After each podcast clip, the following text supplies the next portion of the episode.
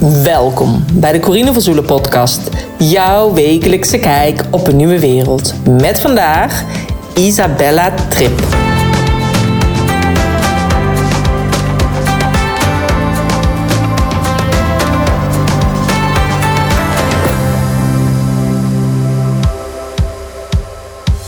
Deze week ben ik in gesprek met Isabella Trip.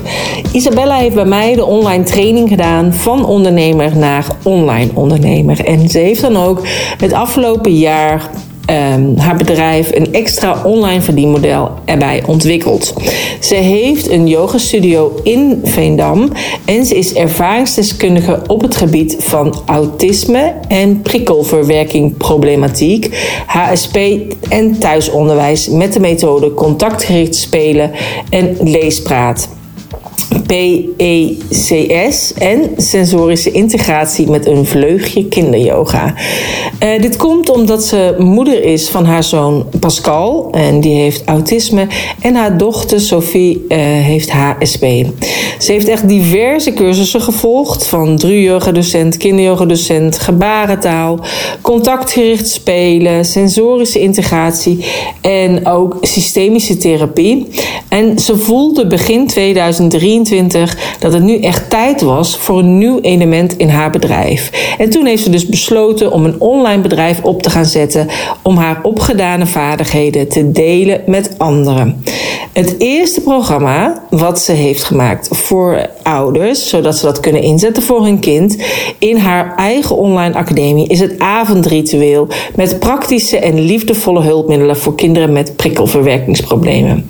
Het grappige is dat zij zelf altijd met haar kinderen kinderen s'avonds een avondritueel had om de dag af te sluiten, zodat ze rustiger naar bed gingen, zouden gaan. En haar dochter noemde dat altijd donkerfeest. Dus vandaar dat het programma ook Donkerfeest heet. Uh, haar wens is dan ook dat ouders steun krijgen door dit programma. En door die ondersteuning en met haar praktische kennis ook van contactgericht spelen. Met, uh, bij de opvoeding, maar ook thuisonderwijs voor het speciale kind en alle bijbehorende uitdagingen die je eigenlijk als ouder ondervindt. Haar tip voor jonge ouders is dan ook: geloof in jouw kind, ook als de ontwikkeling anders loopt. Want we zijn immers allemaal uniek. En stel jezelf dan altijd de vraag: wat kan wel? Nou, ik vind het super fijn dat Isabelle in deze podcast is. Ze heeft ook een prachtig artikel geschreven in het Powervrouwen Magazine, wat binnenkort uitkomt. En in het Powervrouwen Magazine staat ook een artikel over hoe het is als moeder en ondernemer. Uh, hoe je dat het beste kunt combineren. Dus hoe je liefdevol kan opvoeden, vooral als je ook een kind hebt met autisme en daarnaast nog een eigen bedrijf. Nou, dat kun je allemaal vinden in het Powervrouwen Magazine. Uh, heb jij nou ook interesse in het maken van een online programma? Check dan anders even de show notes pagina, waar je ook alle informatie vindt van Isabella, maar ook van de training. En dat vind je op www.corinevanzoelen.nl slash podcast streepje 244. Want dit is alweer podcast 244. Dus alle informatie van Isabella, haar social media kanalen, haar website, maar ook een podcast over het donkerfeest wat zij heeft gemaakt kun je vinden op de show notes pagina www.corinevanzoelen.nl slash podcast 244. Meer informatie over de online training van ondernemer naar online ondernemer vind je daar dus ook. Maar kan je uiteraard ook bekijken op de site www.vanondernemer naar onlineondernemer.nl zodat ook jij je eigen online programma of cursus kan ontwikkelen op je eigen online platform net als Isabella. Ik wens je heel veel luisterplezier. Vandaag heb ik een online afspraak met Isabella Trip. Welkom. Dankjewel, Corine.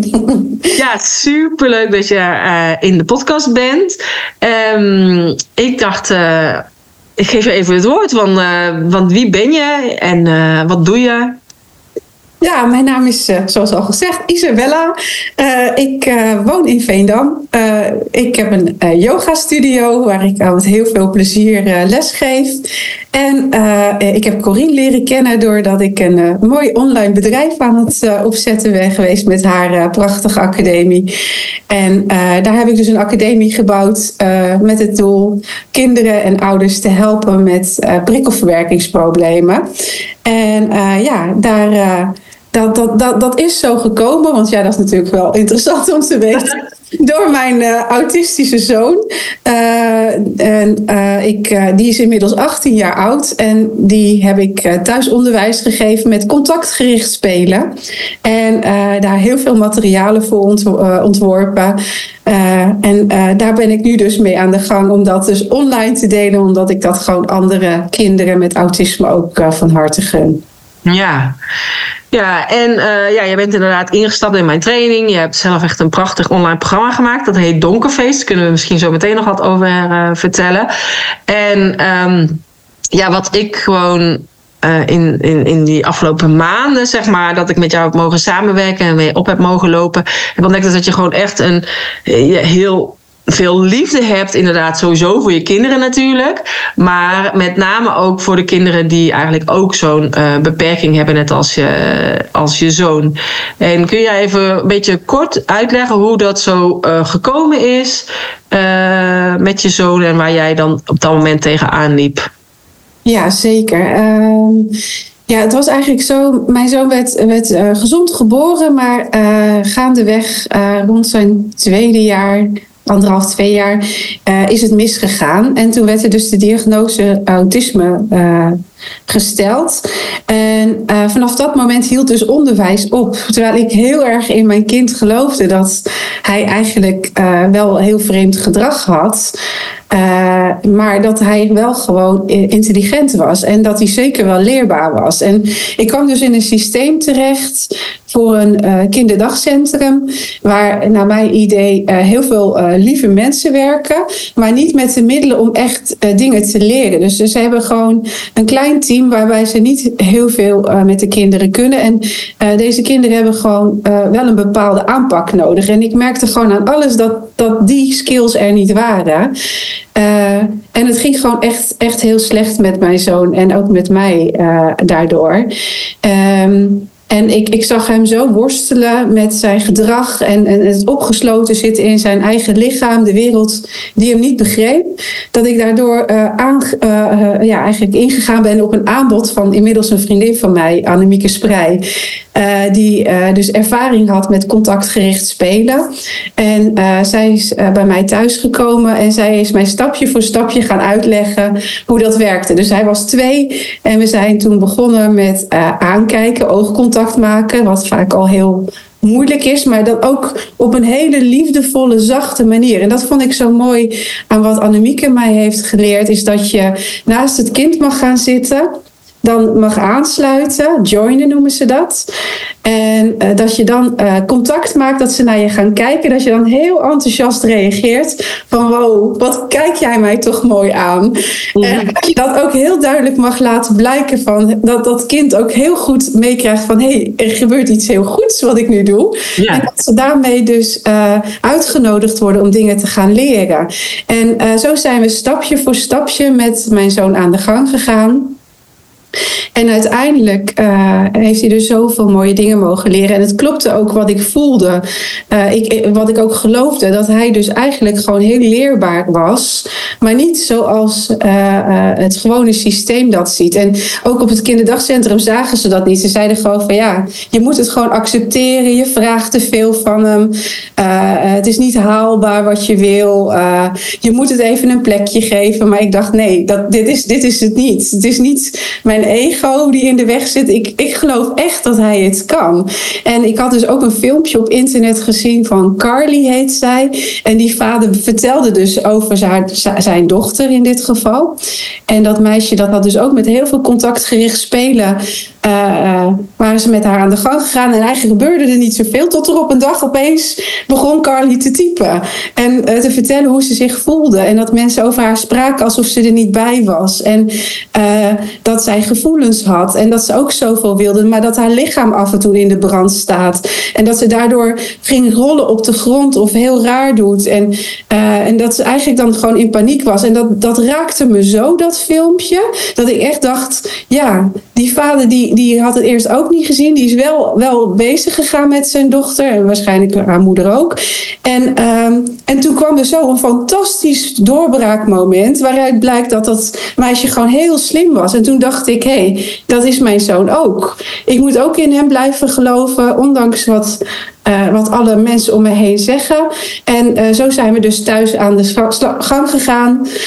Um, en elke keer zag ik hem beter worden en ons leven meer kwaliteit krijgen. En uh, ja, nu, nu is hij inmiddels 18. Op zijn twaalfde mocht hij naar school toe. En uh, hij was zo trots. Uh, en, en ik zag ook dat ook in de groep en ook op school was het leren ook weer heel lastig. Dus dat zijn we gewoon thuis blijven doen. Um, en ja, het is gewoon een hele blije, uh, vrolijke uh, jongen geworden. Die ook heel veel skills heeft geleerd, waardoor hij nu naar dagbesteding kan. En hij vindt het leuk om te leren. Hij is niet meer zo gefrustreerd. lachen, hij is fijn in de groep. En dat was ondenkbaar gewoon toen hij twee was. Dus ja, dat contactgericht spelen is iets waar ik gewoon, gewoon heel veel heb uitgehaald met Pascal. Kun je dan iets eh, verder uitleggen over hoe dat dan precies zit met dat contactgericht spelen? Jazeker. Um, ja, wat ik daar eigenlijk mee geleerd heb, is dat, uh, dat je aansluit bij je kind. En dat je um, gewoon kijkt van, hé, hey, wat, wat kan die? Hoe is, mijn, hoe is mijn eigen lichaamstaal? Hoe sta ik erin? Uh, en dan goed opletten naar de signalen die er komen. Dus het leert je anders en duidelijker te kijken naar het kind. En van daaruit ze dingen te leren. Dus in plaats van dat je roept van... hey, jij moet nu dit of dat doen... ga je met contactgericht spelen kijken van... hey, uh, zijn brein kan grote opdrachten niet aan. Dus knippen we het in kleine stukjes. En even een voorbeeld te geven van als je zegt tegen hem... Uh, trek je broek aan. Nou, dat kan hij nu wel, maar dat kon hij toen dus niet. Had zijn taalbegrip was niet helemaal juf van het. Hij begreep niet wat je bedoelde. Dus dan ga je helpen. Uh, je voeten stop je in de pijpen. Pak met je handjes de broek vast. Trek hem naar je knieën. Trek hem naar je middel. En dan gaan we nu de knoop vastmaken en de rits. En je helpt mee en je doet, jee, wat heb je dat goed gedaan. En dat ga je elke keer in kleine stapjes herhalen. En uh, zo, zo ga je dus ook aan het zelfvertrouwen van het kind werken. Zijn taalbegrip wordt daardoor beter. En uh, je gaat zelf dus heel enthousiast en liefdevol uh, en met heel veel geduld dingen uitleggen, waardoor die uiteindelijk steeds zelfstandiger wordt. En zo ga je dus van uh, je broek aantrekken naar afdrogen, zinnelijkheid. en ook de communicatie was heel belangrijk. Dus dat je ook inzicht geeft van hé, hey, wat gebeurt er nu op een dag? Want heel vaak zijn we geneigd om te zeggen van we gaan nu boodschappen doen. En dan plukken we dat kind als een kraag bij wijze van zet hem in de auto. Maar ja, dat, dat, dat kunnen ze dus niet verwerken. Dat is een overgang maken. En dat zie je bij jonge kinderen en bij kinderen met autisme. Dat zij even tijd nodig hebben om daaraan te wennen. Dus je geeft tijd. Je laat een pictogram zien. Je maakt het visueel.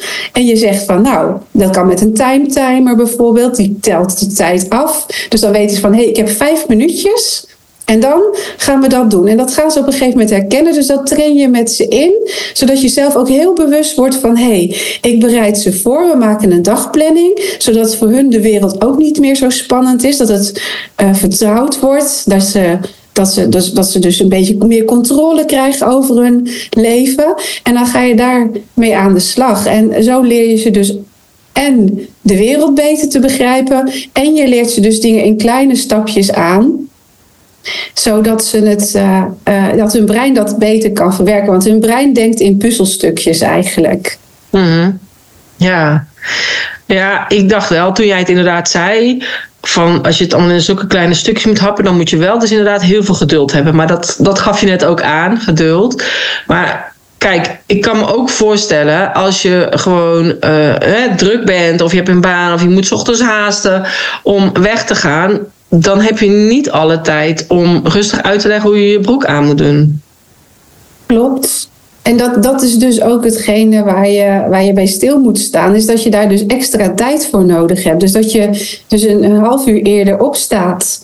En uh, vaak zijn deze kinderen ook vroeg wakker. Dus dat is niet zo'n punt. Maar dat je ook jezelf je mindset hebt van... hé, hey, ik, ik kan van hun niet verlangen dat je dat even heel snel doet. En bovendien, wat je ook zegt, is ook waar. Want je moet ook naar je werk. Je hebt ook je, je, je dingen waar je op tijd moet komen. Dus misschien heb je daar ook wel hulp bij nodig. En ja. in dit geval uh, was dat ook zo. Want het, omdat het zo best wel intensief is, en jij bent ook geen robot, je bent ook een mens.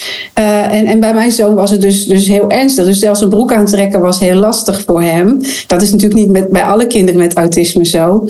Uh, maar uh, ja, het, het, het, het, intrainen kost zoveel tijd dat het soms ook wel heel raadzaam is om een persoonsgebonden budget aan te vragen en daarmee extra hulp te krijgen. -huh. En dat is ook wat wij, wij hebben gedaan. ik had dit, dit, dit, gewoon niet 24-7 zelf kunnen doen. Dus ik, wij hebben er ook voor gekozen, uiteindelijk met hulp, een persoonsgebonden budget. Uh, waarbij we dus ook mensen in konden huren die ook dit programma met hem gingen doen. Uh, zodat hij het ook van hun hoorde, zodat het beter kon automatiseren, maar ook dat ik zelf ontlast werd en zodat ik ook kon werken, zodat ik ook af en toe even een kopje koffie kon drinken met een vriendin, wat ook heel belangrijk is. Uh, en hem ook om de 14 dagen even lieten logeren. Zodat we even vanuit dat pictogrammen gebeuren, het minuut tot minuut plannen van je dag, dat je dat even heerlijk los kan laten. Even aandacht voor mijn dochter in dit geval. Wat, wat, dat je gewoon kunt opladen voor die momenten dat je weer met hem aan de gang gaat om dat weer uh, te leren. Zodat je ook liefdevol, zacht en uitgerust bent. Daar ook momenten voor inplant om dat te doen. En de andere momenten iemand anders dat van je over kan nemen. Ja. Ja, want ik vind het wel mooi trouwens hoe je dat zegt over dat plannen. Want ik heb natuurlijk jullie agenda gezien, jullie Google-agenda, met alle kleurtjes. En dat is natuurlijk heel duidelijk. En vond ik het eigenlijk gewoon heel knap dat hij dat gewoon kan via die uh, agenda. Ja, ja en dat, dat, dat is natuurlijk ook, dat is ook iets wat we met contactgericht spelen hebben, uh, hebben geleerd. Ja. We zijn met het pictogramma begonnen. Uh, toen heb ik PAX-systeem gehad, Picture Exchange Communication System, waarbij ik allemaal fotootjes maakte met klittenband. En waarbij hij dus zinnetjes zelf met plaatjes kon maken. Vanuit daaruit een spraakcomputer, zodat hij daarmee met plaatjes kon communiceren. Toen zijn we met zijn we met leren praten, nee, nee, leren schrijven uh, begonnen met beeldpraat, uh, schrijfpraat. En, en toen leerde hij dus typen en uitspreken. En daarnaast had ik dus ook van uh, Picto Kalender, hadden we een, een Picto Agenda, waar je ook met stickertjes en plaatjes de hele week invulde. en uiteindelijk werd, werd hij daar, was hij daar helemaal aan verslingerd. Dat hij dat van minuut tot minuut wilde, die alles erin geschreven. Toen werd dat op een gegeven moment ook weer obsessief. Dus toen zijn we overgegaan een digitale, want hij kon inmiddels lezen, schrijven, typen. Dus toen hebben we een digitale agenda gemaakt, waardoor je hem makkelijk kunnen bijstellen. En we hebben dus ook een, eh, een, eh, Picto-kalender nog, waarin ik in grote lijnen aangeef wat er in een maand gebeurt. Ja. En ja, dus hij heeft dus ook geleerd de maanden van het jaar, de dagen van de week. Uh, hij leer, heeft leren klok kijken. En voor hem werd daardoor de wereld zo overzichtelijk. Al die puzzelstukjes kwamen samen. Uh, dat hij heeft nu zijn ritme gevonden in de week, in de maand, in het jaar. Uh, en dat zijn ook allemaal weer kleine stapjes geweest daar naartoe met allerlei prachtige materialen. Ja, ja, tof. En ook heel mooi dat je dat allemaal zelf hebt ontwikkeld. Hey, en um, jij zei, ik gaf ook wel eens aan van, jij zei natuurlijk al, die overgangen zijn soms lastig. En uh, vooral de overgang naar de avond voor het naar bed gaan. Dus jij deed dan altijd iets speciaals uh, met de kinderen. En jouw dochter had er altijd een hele leuke naam voor, toch? Ja, dat klopt inderdaad. Wij, uh, wij deden s'avonds een donkerfeest. Mm. En uh, dat heeft mijn dochter inderdaad zo genoemd. Want wat we deden was natuurlijk zorgen dat er zo min mogelijk prikkels waren. Want aan het eind van de dag ja, heeft dat hoofd van dat kind, en dat, dat, dat was ook bij mijn dochter zo, die hebben zoveel dingen meegemaakt, zoveel prikkels, dat ze soms een beetje in de overdrijf komen. Dus in plaats van dat ze dan moe uitgeplanjeerd op de bank zitten, kwam de laatste een beetje energie er nog uit en nog springen en, en huppelen en gek doen. En toen dacht ik van ja, hij vond het zo moeilijk om die overgang te maken. We moeten ook daarin uh, het makkelijker maken. Want wij wilden dan eigenlijk van hé, hey, we zijn moe na een dag, uh, bedje in en slapen, knopje uit. Maar ja. zo werkt het natuurlijk Nee, het knopje blijft aan. Hij bleef aan, dus wat gebeurde er? Wij liepen heen en weer op die trap naar boven en we dachten de hele avond, nou we hebben geen avond, we blijven gewoon nou, elke keer weer met zoveel geduld en liefde weer er naartoe. Maar ja, hij bleef dus aanstaan en een beetje rondhuppelen. En ja, het was gewoon onrustig s'avonds. En uh, daarom hebben we dus bedacht dat we het af moesten bouwen. Dus, en dat geldt eigenlijk ook voor ons als volwassenen. Want dat doe ik in mijn yogapraktijk ook met mensen. Van leren van, hé, hey, je hebt een aan en een uit. Je systeem, je zenuwsysteem werkt zo. En dat is eigenlijk ook met kinderen zo. Dus uh, je gaat eigenlijk van uh, een opbouw maken van even lekker je energie kwijt. En dan lekker uh, zitten.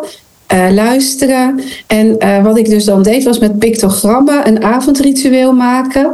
Uh, waarbij we dus konden kiezen aan, uit sensorische dingen zoals massage, aanraken, diepe druk. Zodat zijn lichaam dat hij weer begon te voelen. Want bij kinderen met autisme en jonge kinderen die voelen hun lichaam niet goed. Dus door ze dan aan te raken en diepe druk te geven, hoor je ze soms ook letterlijk even lekker zo ontspannen. Van hey, ik voel dat ik mag aarden, dat ik los mag laten. En dan, zie je ook de oogjes zo kleiner worden. En dan lekker muziek aan, etherische oliën. Want ook dat, dat stukje van de sensorische beleving was bij mijn zoon heel sterk. Dat hij de geurtjes herkende. Uh, en en uh, de kaarsjes aan, een kopje thee, wat fruit. En dan gingen we een verhaaltje voorlezen. En dan hoorde ik ze nog meer zuchten. En dan kroop je samen onder het dekentje. En dat vonden ze altijd super fijn. En toen merkte ik ook dat door die overgang te maken met verhaaltje, liedjes zingen, massage. Uh, dat hij dus begon af te schakelen. En dan was hij helemaal rustig. En dan gingen we naar boven in zijn bed. Dan bleef ik nog even bij hem zitten. Zodat hij wel wist van, hé, hey, ook dat mag een rustige overgang zijn. En dan viel hij lekker in slaap. En soms ik zelf ook, dus. Ja, dan ga je slapen. Ik heb eens gehad toen de kinderen jong waren, was ik zo moe. Was ik gewoon een verhaaltje aan het voorlezen, was ik gewoon in slaap gevallen. Was rond een uur of zes of zo. Ja. Dat mijn kinderen nog wakker waren, dat ik al helemaal zo lag. Ja, ja, ja. Want je hebt gewoon korte nachten, je bent de hele dag druk en zo. Ja, ja en dat, maar het was gewoon wel heel fijn. Want door, en het was een moment waarop mijn dochter en mijn zoon tot elkaar kwamen. Want dat gaf mijn dochter mij ook terug. Van ja, ik heb wel een gehandicapte broer. Maar het was altijd zo fijn dat we even samen zaten. En dat we dingen hadden die ik leuk vond, die hij leuk vond. En dat je even daar uh, met z'n allen mee bezig kon zijn. En dan heerlijk tot rust kon komen. Het was echt een soort, ja, voor haar dus een feestje. Zo, zo noemde zij dat dus ook. Ja. En daar dan lekker slapen. Maar daardoor hadden wij ook een rustige avond. Ja, dus dat is ook fijn. Maar, en jij zei dus, je had dus inderdaad een soort van plaatjes gemaakt, zoals soort van pictogrammen. En dan mochten zij zelf kiezen van, oké, ik wil nu een massage, of ik wil nu een verhaaltje, of ik wil nu uh, een dansje doen, of dat soort dingetjes. Klopt, klopt. Ja, je, je, je stemt gewoon even af. Want ja, de ene avond heb je misschien ook wel een afspraak. Dus dan heb je misschien wat minder tijd. Dus voor jouzelf is het fijn om aan te geven weer van... hé, hey, wat, wat, wordt, wat mag je verwachten als kind? Hè? En ook zelf daar de keuze in geven. Zodat ze ook gewoon hun eigen, eigen uh, dingen kunnen aangeven. Dat, dat er ruimte is voor hunzelf om hun voorkeur uit te spreken. En dat dan op de planning te zetten. Zodat ze weten van, hé, hey, wanneer gebeurt het dan? Want soms zeg je ook straks. Maar straks is een heel abstract begrip. Dat begrijpt kind. Of ja, of ja, doen we zo dan, ja, zo even. en met die pictogrammen was het gewoon super duidelijk van hé, hey, uh, nu gaan we dus even lekker, uh, lekker een dansje doen. En dan is het tijd om te gaan zitten onder het dekentje met een kopje thee en een verhaaltje lezen. Dan een massage voor de voeten of even lekker je handen gewoon op de schouders. Het hoeft allemaal niet heel ingewikkeld en lang. Kinderen houden ook niet van dat dat dan een uur duurt. Dat kan gewoon vijf of tien minuutjes zijn. Of even lekker in- en uitademend. even die ademhaling zorgt ook dat, dat je rustig wordt. En dan merkt je gewoon van ja, dat ze dat heel goed begrepen dat er een begin en een eind is. En wanneer het dan tijd is om ja, naar bed te gaan. Slapen, ja. Want merkte jij nu verschil als je dat nou had gedaan? En dan niet alleen de nacht en het slapen gaan, maar ook bijvoorbeeld de dag daarna. Ehm, met, of, als je dat nou wel had gedaan of als je dat niet had gedaan. Ja, dus echt, echt een groot verschil. Ja. Gewoon soms denk je van ja, ik heb even, even geen tijd, hoppakee, het moet snel. Uh, maar dat, dat betekent dus dat je de hele avond blijft lopen. Uh, dat ze geen rust kunnen vinden en het uiteindelijk een dubbele tijd heeft gekost. Plus dat doordat ze heel onrustig zijn gaan slapen, ook weer heel vroeg wakker worden. Dus je, je komt als het ware uh, niet tot ontspanning, waardoor je ook niet in je diepe slaap komt. Mm. En daardoor werd mijn dochter dan s'nachts ook weer twee of drie keer wakker. Dus dan, omdat hij ook niet, want die had dus best wel wat prikkels van haar gehandicapte broer. Die, was ook, die stond ook dan aan. En daardoor werd zij dus drie keer per nacht wakker. Maar doordat zij ook met dat donkerfeest meeging, kwam zij ook in een diepe slaap. En dan werden we s ochtends gewoon uitgerust wakker. Nou ja, als je uitgerust bent, vind je alles veel leuker. Begin je de dag met een dansje, zeggen wij dan. En dan, uh, dan heb je gewoon een veel leukere dag. Dus het, het werkt helemaal door in alles ja. eigenlijk. Ja. Ja, oh mooi. Dus het is inderdaad niet alleen de nacht, maar ook echt zeker de volgende dag. En, maar jij, jij bent natuurlijk nu hier al 15 jaar mee bezig. Want jij zei het is eigenlijk een beetje begonnen vanaf zijn tweede. Ja. Maar heb je eerder dan nooit gemerkt dat hij dit had? Of, want jij zei hij is gezond geboren. Klopt. Ja, hij, uh, uh, hij was eigenlijk gezond bovengemiddeld ontwikkelde hij zich. Uh, op het consultatiebureau gingen alle testjes ging helemaal goed. het was een blije baby die je aankeek. Een blije peuter die begon te babbelen. die me hielp met dingetjes. Die, die lekker, gewoon heel gezellig, blij kind. En toen kreeg hij het rotavirus. Dat is een virus waardoor je dus diarree overgeven krijgt. Het breekt als het ware de slijmband in je darmen af. En uh, hij is daar gewoon tien dagen heel ziek van geweest. Hij liep van onder en boven eigenlijk letterlijk leeg.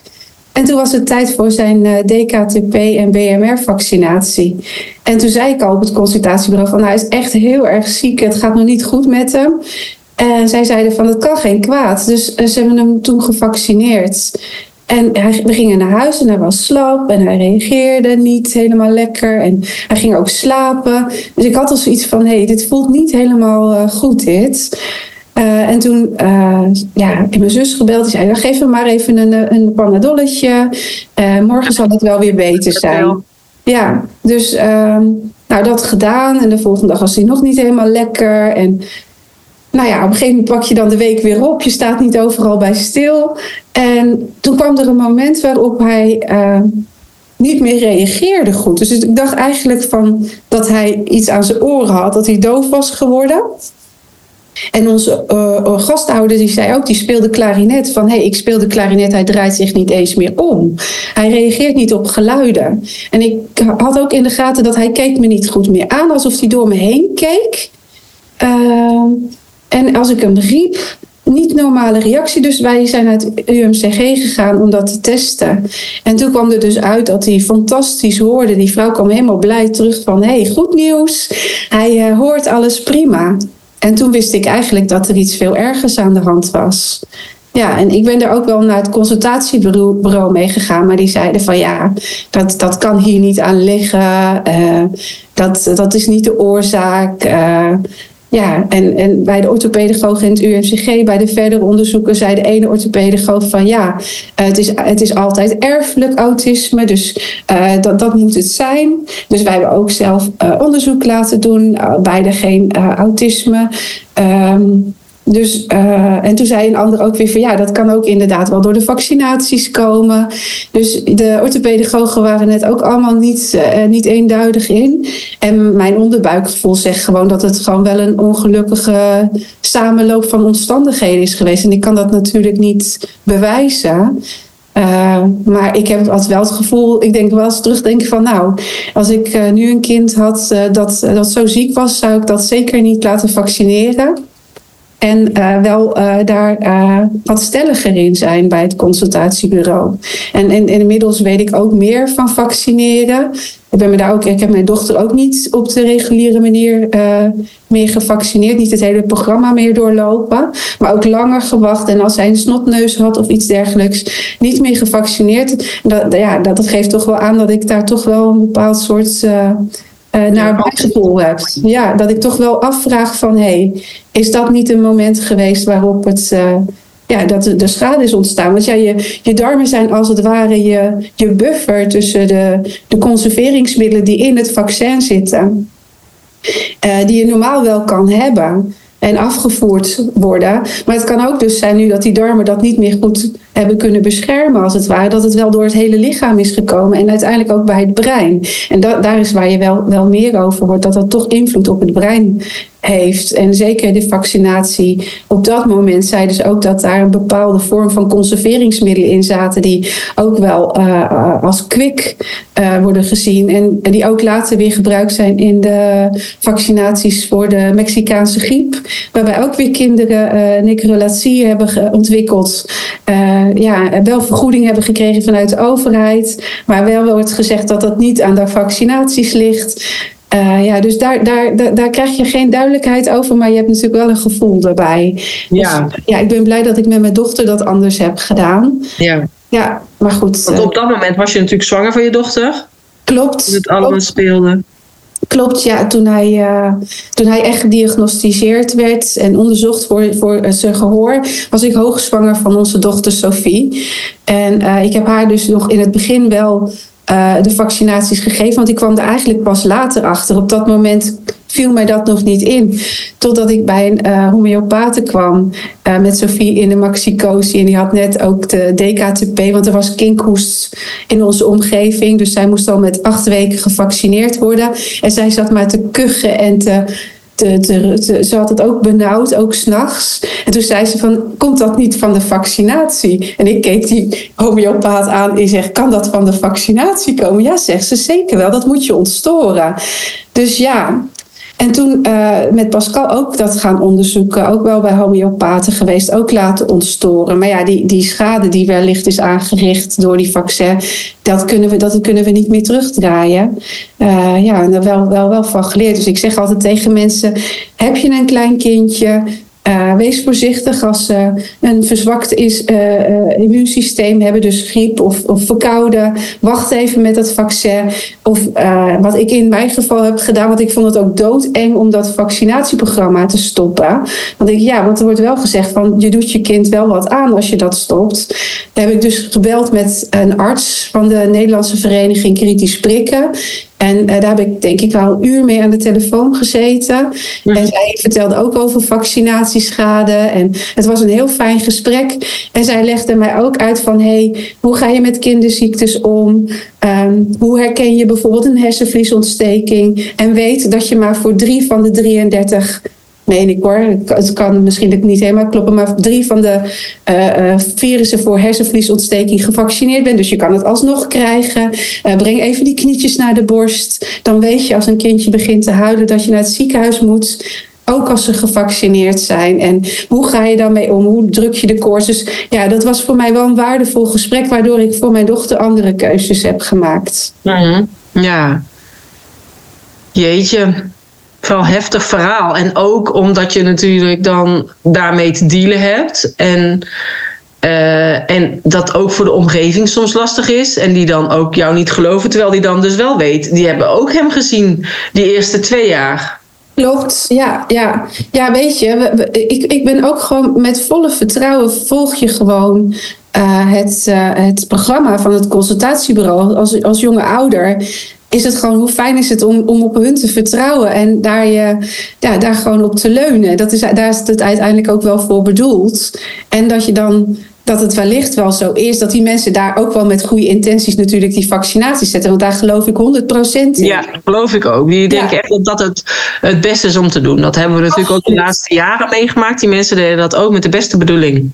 Absoluut. En daar geloof ik nog steeds in dat het allemaal hele lieve mensen zijn die ook wel hele goede tips hebben bij het consultatiebureau. Maar ja, ook, ook, ook onwetend zijn, omdat zij ook weer opgeleid zijn en geïnformeerd worden met bepaalde informatie. Die wij allemaal krijgen eigenlijk. Hè? Ja. Dus, dus dat, dat, dat, dat je dat moet loslaten, ja, dat vond ik ook super moeilijk. Ja, En ook best wel heel eng om dat niet te doen. Want er zit ook heel veel angst achter eh, dat stuk. en oordelen, hè, omdat de rest natuurlijk zegt: van, ja, dat kan je niet maken om dat niet te doen. Klopt, ja, ja. Ja, dus en ik, ik had gewoon heel veel geluk, want eh, mijn ouders stonden daar wel helemaal achter, eh, achter mij. Want mijn moeder gaf mij ook al aan van, ik ben een van zes kinderen. En mijn moeder gaf aan van, ja, als jullie verkouden was, kregen jullie echt geen vaccinatie, hè? In, in jullie tijd. Dat deden zij gewoon niet op het consultatiebureau, maar nu dus wel. Ja. Dus wat is er veranderd in die... eh, ja, Sowieso heel veel veranderen, denk ik. Hè? Wat bijvoorbeeld vroeger inderdaad niet gedaan wordt en nu wel. wil niet zeggen dat vroeger alles beter was. Heel veel Nee. dingen wisten ze vroeger ook niet. Ik bedoel, vroeger zat ik ook achter in de auto zonder gordel. En eh, weet je, mijn zusje stond in een, in een zo weet je, in de kinderwagen en die werd in de achterbak gezet. Want dat was het meest makkelijke. Waarom moet je, dan, ja, dat Ja. zou je nou ook niet meer doen. Ja. Dus ik bedoel, er zijn natuurlijk heel veel dingen die beter zijn. En, maar er zijn natuurlijk ook heel veel dingen die...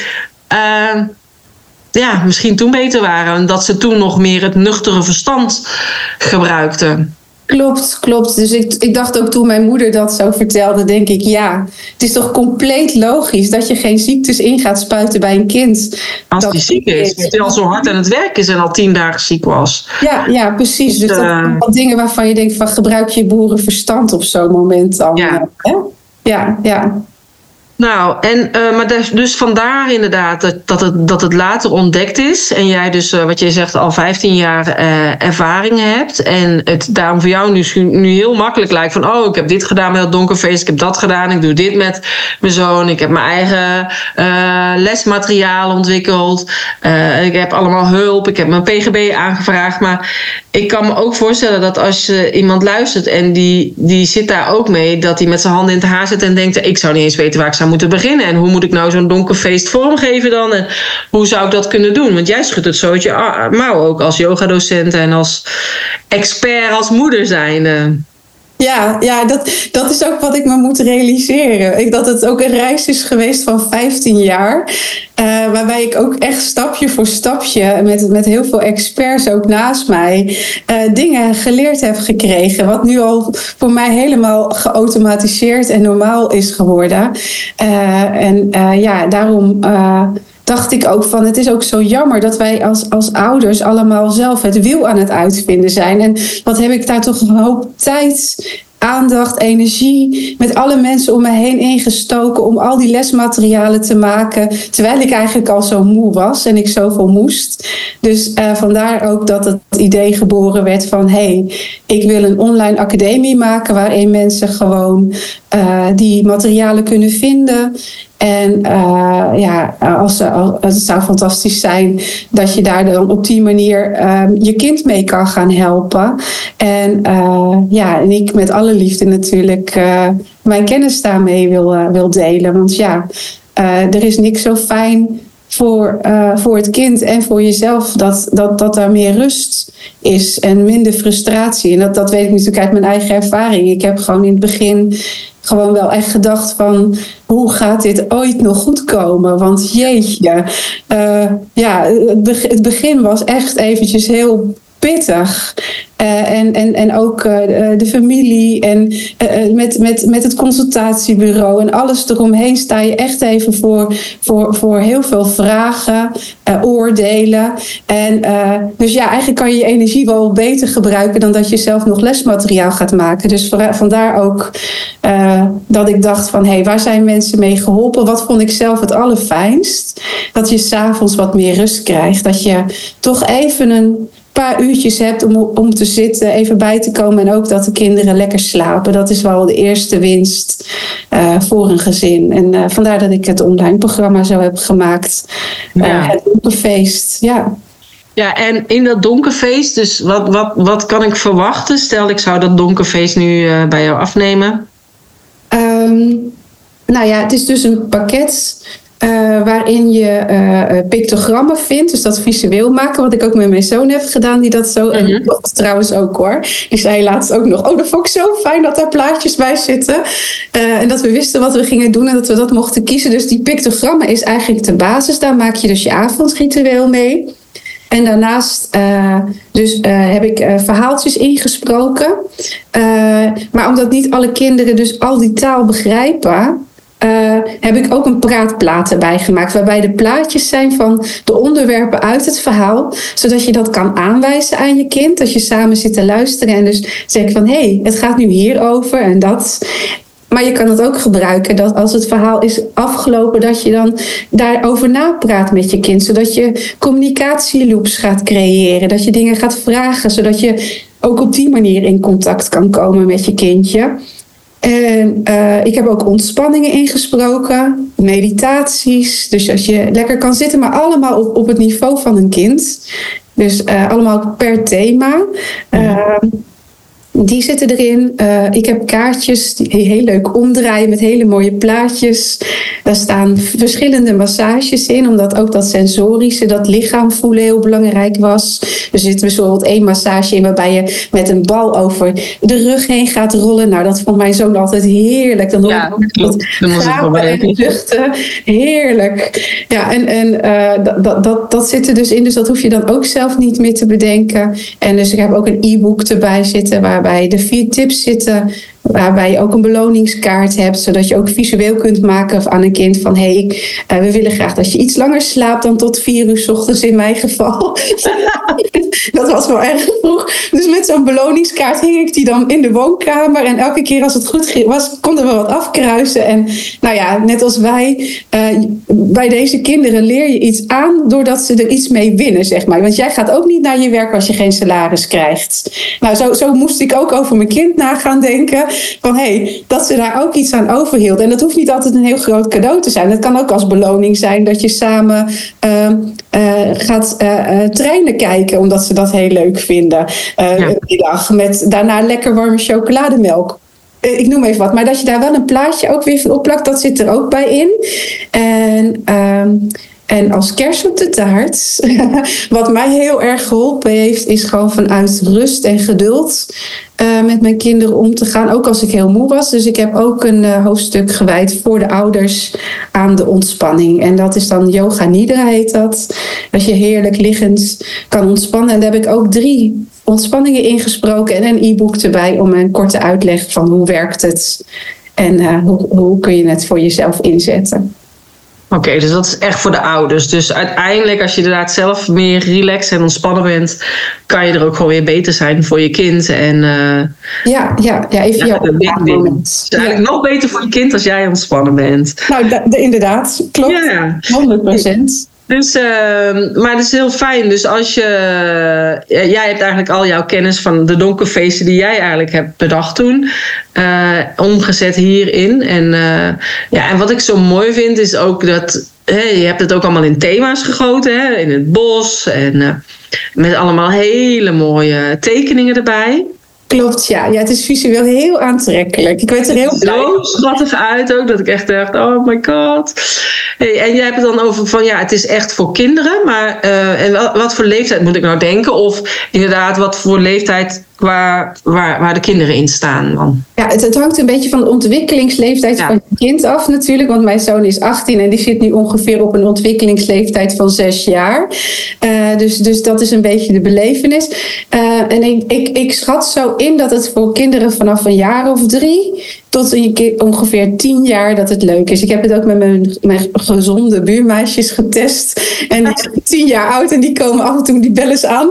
Isabella, ik wil even lekker ontspannen. En dan doen we even die kaartjes en zo. En dat, zij genieten daar ook enorm van. Dus ik zag wel dat het voor die leeftijd ook past. En ja, voor drie jaar is het natuurlijk ook hier. Ik heb ook één iemand uit uh, mijn yogagroep die het met haar jonge dochter uh, test. En die zei al, die mag heel graag naar jouw ontspannende verhaaltjes luisteren vond ze heel fijn. Dus ja, zo, daar moet je zo'n beetje aan denken. Ah, oké, heel tof. jij zei eerder al uh, tijdens deze podcast van, uh, nou ja, met zo'n consultatiebureau is lekker fijn, want dan ga je daar hè, dingen aan vragen en eigenlijk een beetje tegenaan leunen. Want ja, als net als moeder weet je ook niet goed hoe je moet doen. Maar als ik het eigenlijk zo inschat, ben jij eigenlijk degene waar uh, jonge moeders tegenaan mogen leunen. ja, ja dat, dat, dat, dat, dat, ze zijn van harte welkom, laat ik het zo zeggen. Ja, ja. ja. Nou, tof. Dus naast het uh, donkerfeest begeleid je ook sowieso uh, moeders met hun kind als ze ergens tegenaan lopen. Dus dan is het de handigste ook dat ze daar uh, gewoon los even contact met jou over opnemen. Klopt, inderdaad. Ja. En ik denk dat het ja, heel mooi is wat je doet, omdat het omdat het een heel laagdrempelig product is wat je ook aanbiedt. Zodat mensen ook inderdaad klein daarmee kunnen beginnen. En het dus niet alleen effect heeft op een lekkere rustige avond, maar dus ook rustig wakker worden en, uh, en de dag weer ontspannen beginnen. Want ja, als ik jou zo hoor, is dat eigenlijk ook hetgene wat het belangrijkst is. En van dat je daarom ook die yoga nidra's erin hebt gedaan. Uh, maar dat je dus ook zelf die ontspanning hebt om het uiteindelijk ook beter je kind te kunnen begeleiden. Nou, exact dat. Het is gewoon uiteindelijk het uitgangspunt is dat je met heel veel liefde en geduld naast je kind gaat zitten. Dat je afstemt op je kind. En daar heb je zelf gewoon rust voor nodig. En dat je vanuit die liefde en ontspanning uh, ja, gewoon dingen gaat doen. En dat is dus nu even in, in dit geval in het uh, avondritueel gegoten. Maar dat geldt natuurlijk ook uh, als je bijvoorbeeld ervoor kiest om thuis ook zo'n programma te doen met je kind, contactgericht spelen.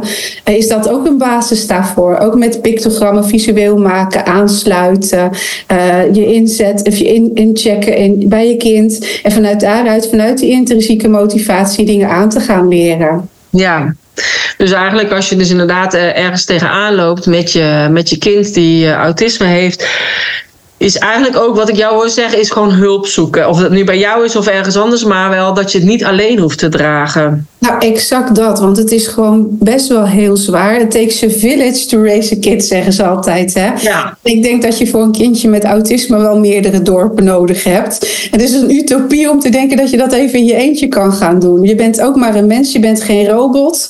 Dus, dus zorg ervoor dat je oplaadmomenten hebt, dat mensen je kunnen ontlasten.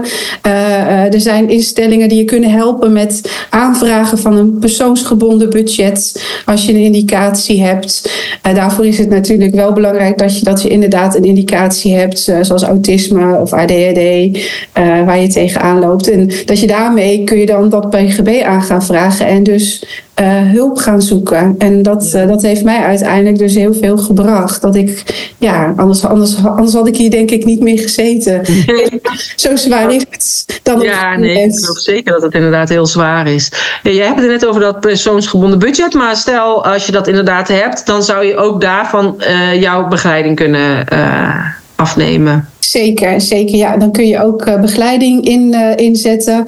Hulp voor je kind, dat heb ik ook altijd voor mijn zoon gedaan. We hebben inmiddels al heel wat jaartjes twee uh, begeleiders die, die dus ook die lesmaterialen met hem doen.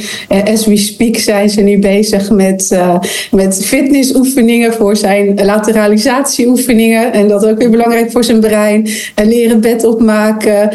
dus, dus dat nemen zij van mij over, zodat ik ook me met mijn bedrijf bezig kan houden. Of uh, met mijn man één keer in de 14 dagen date night te hebben.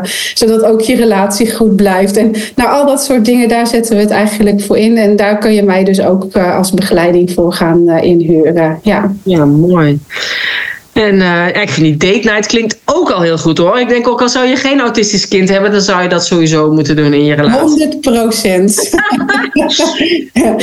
en uh, is er nog iets dat je denkt, oh dat wil ik nog heel graag vertellen, maar dat ben je vergeten te vragen? Um, ja, ik denk, denk, dat we alles wel, wel besproken hebben. Uh, ja, en, en ik wil gewoon, gewoon mensen gewoon meegeven dat uh, blijf geloven in je kind. Ook al, ook al roepen uh, sommige experts zeggen ze dan wel wat anders. Ik ben blij dat ik daar niet altijd naar geluisterd heb, maar gewoon mijn moederhart heb gevolgd. En dat is gewoon super belangrijk, want jouw intuïtie als moeder, als bewuste moeder, uh, dat, dat, daar zit je vaak niet ver naast. En ik liet me soms wel eens van mijn stuk brengen. En achteraf dacht ik van ja, maar ik voelde het goed. Ja. Dus trouw op, op jouw intuïtie. Blijf in je kind geloven en uh, zorg ook goed voor jezelf, want jij bent de basis uh, van alles. Ja, Nou, mooi, mooi mee af te sluiten. Ja. Nou, dankjewel voor dit gesprek en uh, heel veel succes. Ja, jij ook bedankt Corine. Ik vond het heel fijn. ja, mocht jij nou meer willen weten over hoe jij het beste en liefdevol kan omgaan met jouw uh, kind wat extra aandacht nodig heeft, of heb je interesse in thuisonderwijs, of het contactgericht spelen, of natuurlijk in het programma Donkerfeest, uh, check dan even de show notes pagina www.corineverzoelen.nl slash podcast-244. Mocht het zijn, als jij de behoefte voelt om zelf ook jouw kennis om te zetten in een online programma of in een online cursus, zodat je meer mensen kunt bereiken dan alleen maar de mensen die heel dicht bij je staan, maar juist online zijn er geen grenzen en kun jij ook met jouw kennis mensen bereiken buiten de stadsgrenzen, landsgrenzen en zelfs buiten Europa. Dus uh, check dan ook even de show notes pagina uh, corinevanzullen.nl slash podcast-244 of kijk direct op de pagina www.vanondernemer naar onlineondernemer.nl. Daar vind je precies alle uh, blokken met de lessen die ik daarin behandel, de periode waarin ik extra begeleiding geef en ook mocht het zijn als jij het heel tof vindt om mee te gaan naar Turkije met de workation, kijk dan even naar pakket nummer 2 en heb je liever meer behoefte aan een één op één met mij, check dan het derde pakket, het VIP-pakket. Ehm, het lijkt me super tof om ook met jou mee te mogen denken met jouw online programma. Net als wat ik met Isabella heb gedaan. En, uh, want op die manier vind ik het juist super leuk om echt iets unieks te krijgen wat echt bij jou past. Dankjewel voor het luisteren en graag tot de volgende keer.